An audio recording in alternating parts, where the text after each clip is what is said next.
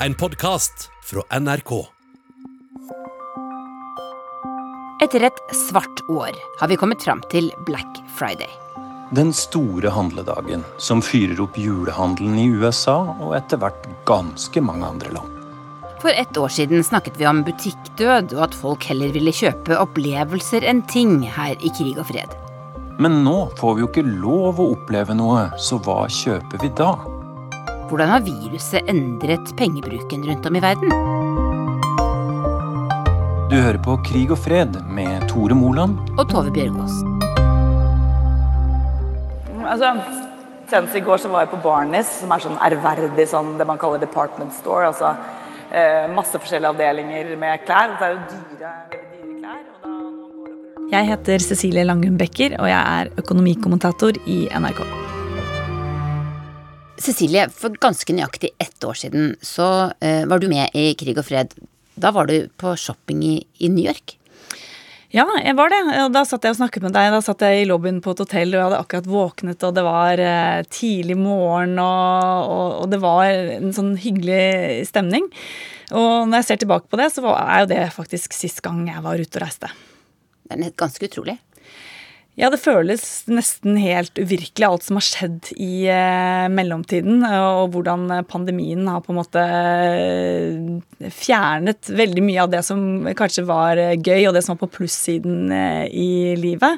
Men den gangen så snakket vi mye om eh, krisa i, i, i, i varehandelen, at mange butikker stengte. Men det har forandret seg litt med, med pandemien. Ja, altså Det vi har sett eh, som jo har endret seg etter pandemien, det er jo at eh, vi nå har mye bedre råd til å kjøpe ting og tang, fordi vi nå ikke bruker penger på verken å reise eller eh, være på hotell eller spise ute på restaurant. Hvis man ser på grafene for detaljhandel, så peker jo de rett opp rett etter at koronapandemien har rammet, som jo er høres merkelig ut. Men vi har fått mer penger eh, mellom hendene. Ikke bare fordi vi bruker mindre penger på tjenester, men fordi rentene har jo falt eh, kraftig. Både i USA og i Norge så skrudde man jo rentene kraftig ned. Ja, Er det noe folk kjøper mye mer av nå enn for et år siden? Det, det som er så rart, da vi sto og så ned i det sorte hullet i mars, så hadde vi veldig mye fokus på bl.a. sportsbransjen, eh, som jo had, som var i, i dype problemer. Ja, for Det snakka vi med i fjor. Du sa at disse sportskjedene de kjører, det er altfor hard konkurranse. De, det kommer til å gå dårlig. Ja, eh, og, og korona har jo faktisk vært en boost for hele sportsbransjen. Eh, koronapandemien ble på en måte et sånn merkelig vendepunkt for sportsbransjen. Eh, man gikk fra å ha kjempestore varelagre til at mange varer plutselig ble utsolgt. Folk ble også desperate etter telt og primuser og eh, altså alt mulig utstyr til friluftsliv som da ble utsolgt. Sånn at eh, for sportsbransjen så har det vært kjempepositivt. Vi er jo ikke så hardt ramma her i Norge av koronapandemien som, som mange andre land i Europa. Hvordan, hvordan ser du det på, på tjenestenæringen, f.eks.? Man ser jo at Europa har en mye lengre vei tilbake eh, enn vi har f.eks. her i Norge. Den europeiske økonomien er jo tre fjerdedel eh, drevet av tjenestenæringen. Hvis man tenker på Sør-Europa, hvor utrolig avhengig den er av f.eks. turisme. Og så er det jo en annen ting til. Eh, her i Norge kunne vi jo skru ned rentene fordi vi ikke hadde allerede eh, tømt ut hele verktøykassen vår. I Europa så var jo verktøykassen ganske tømt allerede før denne pandemien, og rentene var jo allerede på null. Sånn at eh, man kunne ikke gi den ekstra boosten gjennom eh, renten. Sånn at Europa har en mye lengre vei tilbake enn det vi har mange andre steder. Hei, dette er Simen Ekern, og i dag er jeg i Brussel, der helt nødvendige butikker får holde korona åpent. Vinbutikkene, f.eks. Essensielle. Det samme er jernvarehandelen og dyrebutikkene. Og mange butikker har også et system der du kan bestille på forhånd og komme og hente sakene i den stengte butikken. Likevel stuper salget for mange forhandlere. Og derfor har belgiske myndigheter jobbet for å kunne åpne butikkene for julehandel for å redde noen av dem som er på randen av konkurs nå.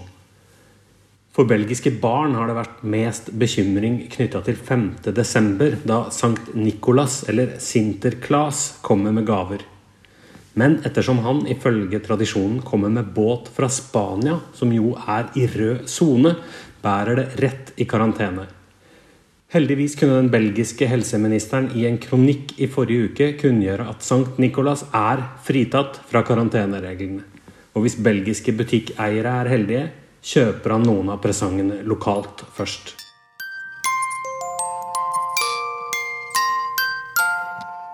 Det som er spesielt med denne nedturen her, eh, den har vært en, en av de dypeste de siste 100 år. Eller den dypeste, men den har også vært spesiell med tanke på at eh, myndighetene har vært veldig kjappe på ballen. Hadde det ikke vært for myndighetene, så hadde man ikke hatt lockdown ikke sant, og pålagt det her. Og da har det gått mye kjappere i forhold til å få redningspakke på plass også. Og de har også kommet med redningspakke på rekordtid. Og når man ikke har mulighet til å gå på restauranter, ikke har mulighet til å gå på kulturarrangementer, så har man faktisk penger. Og erfaringen er at når man først har penger, så bruker man de pengene. Jeg heter da Olav Skjenn. Jeg jobber i Storebrand Asset Management. Der er jeg leder for en avdeling som heter allokering og globale renter. Vi forvalter jo penger, og min bakgrunn er jo som makroøkonom. Og hva som skjer i verdensøkonomien er avgjørende for hvordan vi investerer også. Så du kan fortelle hvordan alt henger sammen der ute? Det kan jeg til en viss grad, ja. Hvordan reagerer økonomer når verden forandrer seg så mye som den har gjort de siste månedene? Nei, man må faktisk tilpasse seg i analyseverden eh, også. Eh, tradisjonelle tall som man pleier å følge med på, blir satt litt eh, til side. Eh, det vi så i eh, mars og april, var at man brukte såkalte høyfrekvensdata, som man etter hvert kjenner til eh, flere, flere også. Mobilitetsdata til Google, f.eks. Hvordan folk flytter på seg? Eller? Hvordan folk flytter på seg, ja. Og ikke minst ukentlige si, transaksjonsdata. Liksom hva slags Eh, ting er det folk kjøper istedenfor nå, eh, for å følge med på endret atferdsmønster. Det har vært veldig viktig, faktisk. Fordi tradisjonell statistikk og tall de er litt etterslepne. I hvert fall når det går så kjapt som det gjorde da, eh, i forhold til den lockdown som vi fikk.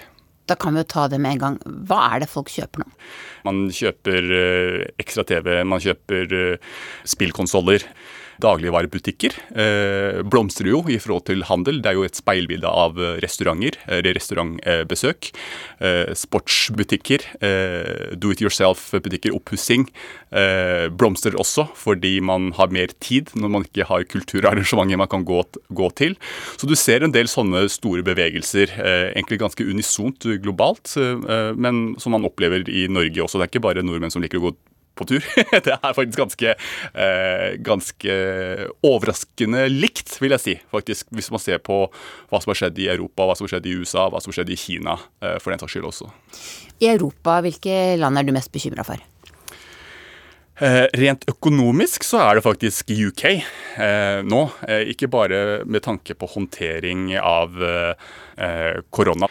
Eh, men de er jo også midt i Nå har jo tematikken rundt brexit kommet opp igjen. Jeg tror de fleste er litt lei av eh, det. Som flere vel har fått med seg, så har jo eh, på en måte UK og Eh, Boris fått en eh, si, god omtale fra Trump og, og egen handelsavtale osv. Med Biden så tror jeg man kommer til å gå tilbake til de, de gamle institusjonene. Til eh, si WTO, eh, alle de store internasjonale institusjonene. Og det vil jo, tror jeg, være negativt. Eh, ikke bare økonomisk, men politisk også, for UK.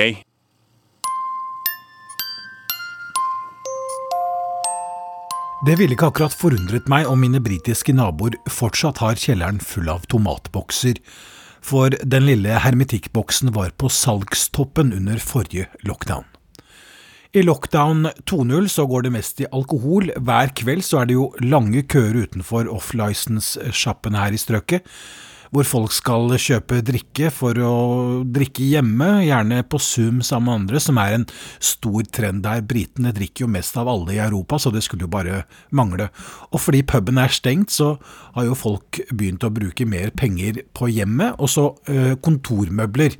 Eh, det må man jo ha nå i hjemmekontortiden, og det er populært å, å kjøpe nå. Eh, det regjeringen bruker penger på, er krisepakker i en økonomi som ikke har sunket så mye på 300 år. Eh, og eh, dette er pakker som finansieres med enorme lån, som etter hvert skal betales tilbake. Og det kommer til å bli tungt framover for folk flest her i Storbritannia. Øyvind Nyborg, London.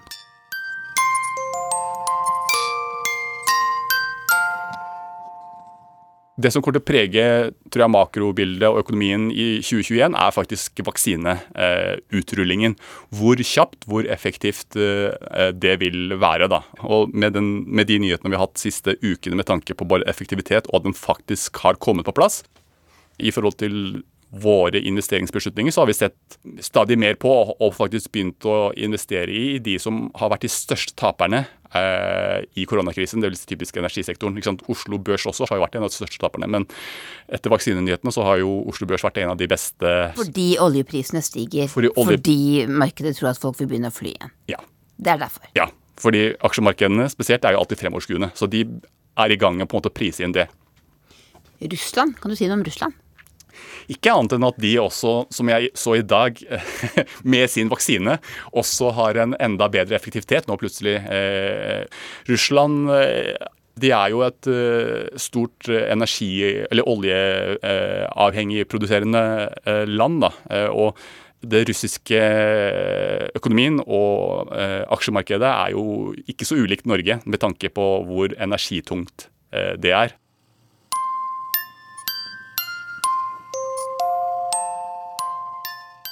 I de store byene her i Russland har det blitt en sann fornøyelse å bestille restaurantmat via en app i telefonen. Ikke så langt unna her jeg bor i Moskva er det en georgisk restaurant som lager nydelige retter, og jeg får maten levert på døra i løpet av 30-40 minutter. På telefonen kan jeg se når maten er ferdig laget, når den er levert til personen som skal komme med den, og når maten er forventet å være på døra. Dette har blitt veldig effektivt og populært. I det hele tatt handler russerne nå alle mulige ting på nettet. Du bestiller den ene dagen og får det levert den neste. Mine russiske bekjente sier at de går i nærbutikken svært sjelden, og til butikksenteret maks en gang i måneden. Det meste blir konsentrert rundt hjemmet. Folk går sjelden ut. Russerne har alltid elsket kultur, men nå er mange museer, teatre og konsertsaler stengt. De som har et feriehus eller datsja utenfor de store byene, tilbringer mye tid der. Nå bygges godt internett ut i rasende fart der også, fordi folk som jobber hjemmefra foretrekker å være på Datsjaen. En naturlig følge er at russerne bruker mer penger enn før på å pusse opp hus, hytter og leiligheter. Hilsen Jan Espen Kruse i Moskva.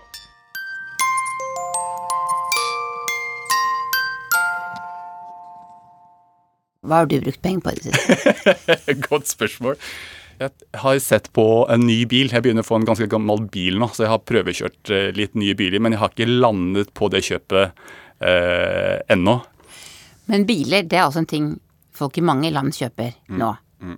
Kan du si noe om det? Jeg har skjønt at bilsalget har gått veldig opp Bilsalget tar Kina. Kina jo, er jo først inn og først ut. Eh, der så man en, eh, kraftig, en kraftig økning i bilsalget, og bilsalget er altså tilbake. De som uansett hadde tenkt å kjøpe en bil, f.eks under koronakrisen, men som ikke fikk mulighet til det fordi alt stengte ned. Når ting åpnes igjen, så har jo ikke den, det ønsket eller den etterspørselen eh, falt vekk. Og det så man med bilsalget også. Ja, Det som er interessant, er at eh, i september, hvis vi ser på tallene for det, så var flytrafikken eh, nesten tilbake til normalen. Og eh, vi hadde jo en veldig stor oppgang i oktober. Der eh, vi hadde denne eh, gylne uken, som det heter, av eh, ferie her i Kina. Og masse folk reiste rundt omkring i landet på ferie. Jeg opplevde jo sjøl i Guilin-området at folk nærmest hadde en sånn Hadde nesten vinger på. De var så letta, på en måte. Og, og var rundt der og sykla og på båter og veldig blide og godt fornøyd eh, i et herlig vær. Så det var nesten en sånn eh, gjennombruddsfølelse over at man ja, har lagt dette kapitlet med covid-19 bak seg på mange måter, selv om man fremdeles er på vakt. Jeg heter Kjersti Strømmen og er Asia-korrespondent for NRK eh, med hovedkvarter i Beijing. Folk har rett og slett begynt å reise på vanlige ferier igjen? Ja, er, I oktober så hadde vi en ferieuke her i Kina, som er en av de store, to store feriene landet har. Og da oppfordres òg folk til liksom å ta langfri. Så jobber de inn igjen da i helg før eller etterpå. Og det betyr at eh, man kan reise langt. Så billetter blir utsolgt på fly og tog, og folk planlegger i god tid for å dra på tur. Så reisevirksomhet er jo en viktig del av kinesisk økonomi. Og eh, så er det jo sånn at alle må vise fram en helseapp når man er ute og reiser, for å vise at man faktisk ikke skal være i karantene eller ikke har vært i et område eh, der man har utbrudd. Så, og dette er jo sånn det her i Kina at det, eh, det meste registreres jo. sånn at når jeg nylig var på reise og kom tilbake til Beijing og skulle gå i banken, så kommer det opp på appen at uh, du må registrere alle stedene du har vært. Og du må registrere inn på denne appen til hver minste detalj i det området jeg har vært, før den aksepterer at jeg kan gå inn. Men hva bruker folk eh, pengene sine på nå, eh, etter det som har skjedd med pandemien? Har du noe inntrykk av hvordan, eh, hva, hva folk kjøper for tida? Ja, sånne luksusprodukter fra verden utenfor har jo vært veldig populære eh, blant de som har penger i Kina, for det viser status. Men så har man òg sett at det der, hvis det er produkter som selges både i vanlige huller og i luksusbutikker, så faller liksom de merkevarene i verdi hos kineserne. Så det må liksom være genuint et luksusprodukt for at det skal liksom være noen poeng i å handle det. Um, og så er det nok det, det, som skjer nå, er jo at myndighetene anbefaler at man kjøper mer og mer kinesisk. Og samtidig så ser jo Kina at uh, verden utenfor fremdeles har dette problemet. Og eh, det som eh, myndighetene nå har sagt i denne femårsplanen som de nylig la fram, er jo at eh, Kina må satse mer på sitt eget marked, at folk må handle mer kinesisk. Og òg produsere mer kinesisk. Det henger både sammen med dette, denne pandemien, men også sammen med det at Eh, det er en voksende skepsis til Kina i verden utenfor, både i Europa og i USA, bl.a. når det gjelder kinesisk teknologi, og at man derfor ser at det er vanskelig å få tak i deler man trenger for å utvikle sine egne produkter. Så nå ønsker man flere eh, Petter Smarter her i Kina som kan gjøre at man bygger opp disse produktene fra grunnen av, og altså eh, skape et mer solid fotfeste for at man kan ha sin egen Eh, base av teknologi til å bygge økonomien på. At ting går tilbake til normalen. Hvordan er det med, med, med arbeidsledigheten? Veldig mye av det folk i andre land kjøper, produseres jo i Kina. Ja, arbeidsledigheten er litt um, vanskelig å få uh, grep på. Fordi det er liksom litt sånn uklart hvordan man regner denne arbeidsledigheten.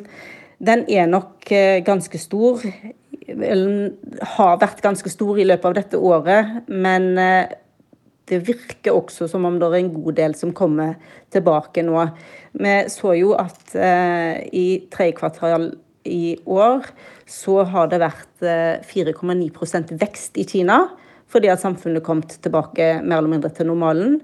Og det betyr at Kina kan være det eneste landet i verden som går ut med en positiv, altså en positiv vekst i økonomien i år. Og da kommer den til å være på 2% som er jo langt lavere enn det Kina hadde håpet at dette året skulle være på, men det er iallfall en positiv vekst. Men Black Friday og Black Week, det, det har dere ikke, kanskje? Uh, kan du vente litt, Tove? Ja. Til å spørre om det? ja. Fun? Do you do Black Friday? Is Black Friday a thing? Black Friday for what? Black Friday for what? Yeah. No. Så det er derfor jeg ikke har hørt noe om det.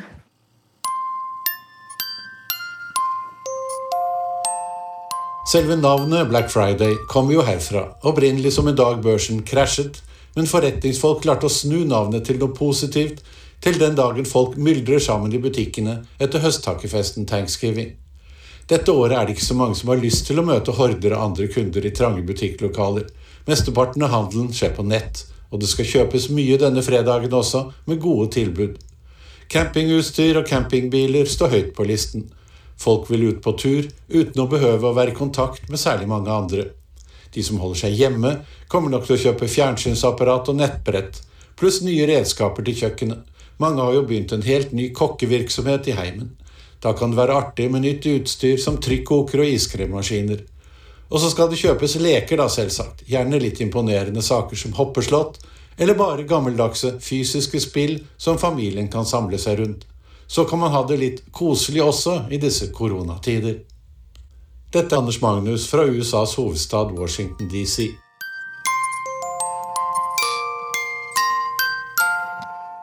Cecilie, du snakker om at vi har mer penger i, i lommeboka, men har alle det? Nei, og det som slo meg helt i starten av denne krisen, eh, det var jo hvor utrolig skjevt denne krisen rammer. På den ene siden så har du jo sånn som deg og meg, som har en trygg eh, og stabil jobb, som får eh, lønn inn på konto hver eneste måned, og som kanskje har et boliglån som gjør at vi nå har mye mer å rutte med fordi rentene er så lave. Så har du de som tar støyten i arbeidslivet nå. Det er de lavtutdannede, de lavtlønnede ganske mange med innvandrerbakgrunn. Eh, det er de som nå tar støyten. For det er jo nettopp denne typen yrker som nå ligger nede eh, i eh, tjenestenæringen. Alt fra servitører til de som jobber med renhold på hotell, der hvor man ikke trenger verken høyere utdanning, du trenger kanskje heller ikke å snakke norsk. Sånn at krisen rammer fryktelig skjevt og bidrar til å øke forskjellene mellom folk. Og hvis det blir sånn her i Norge, så, så, så blir det kanskje enda mer det i mange andre land? Ja, og fordi her har vi i hvert fall et sikkerhetsnett. Man går riktignok ganske mye ned i lønn etter hvert eh, dersom man har stått uten jobb lenge, eh, men man har i hvert fall dette sikkerhetsnettet i bunn, og det er det jo ikke alle amerikanere som har, og heller ikke alle, alle europeere som har på samme måte. Her i Tyrkia forsøker folk så godt de kan å overleve både den økonomiske krisen og pandemien på samme tid. Nå er det lockdown her igjen, og det meste er stengt. Men allerede i vår så venter tyrkerne seg til å bestille alt mulig på nettet, klær og mat, for å få det levert hjem. Folk har gått mye mindre på restauranter, som på sin side overlever med takeaway-tjenester. Kjøttforbruket har gått ned med 30% siden kjøtt blir for dyrt for mange nå. Derimot har pastaforbruket gått opp med 25 en effekt av påbudte munnbind er at salg av maskara og annen sminke til øynene har gått kraftig opp, mens langt færre bruker penger på leppestift og rouge nå fordi det uansett ikke synes bak munnbindet. Sissel Wold, Istanbul.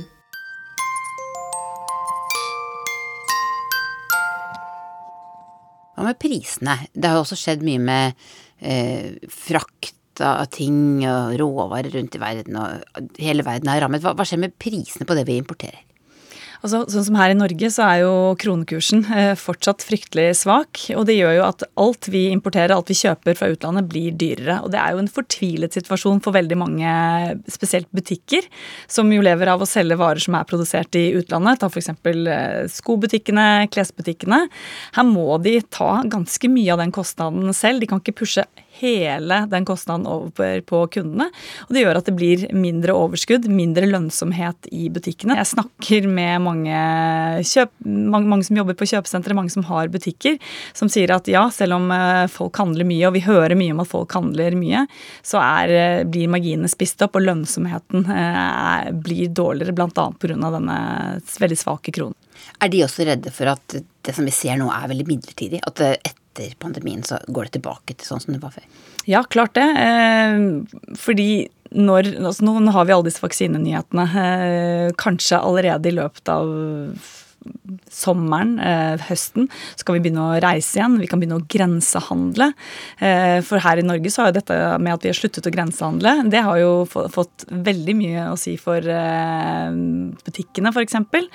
Sånn at, eh, at, vi går tilbake til slik det en gang var, det, er, det skal man jo selvfølgelig ikke se bort fra. Og, og, man merker det jo selv hvor lyst man er på å kanskje ta den eh, feriereisen, og at vi allerede nå begynner å snakke om når er det vi kan begynne å reise igjen kan det bli en tur til Spania eller Frankrike eller, eller et eller annet sted allerede til sommeren. Veldig mange håper jo på det.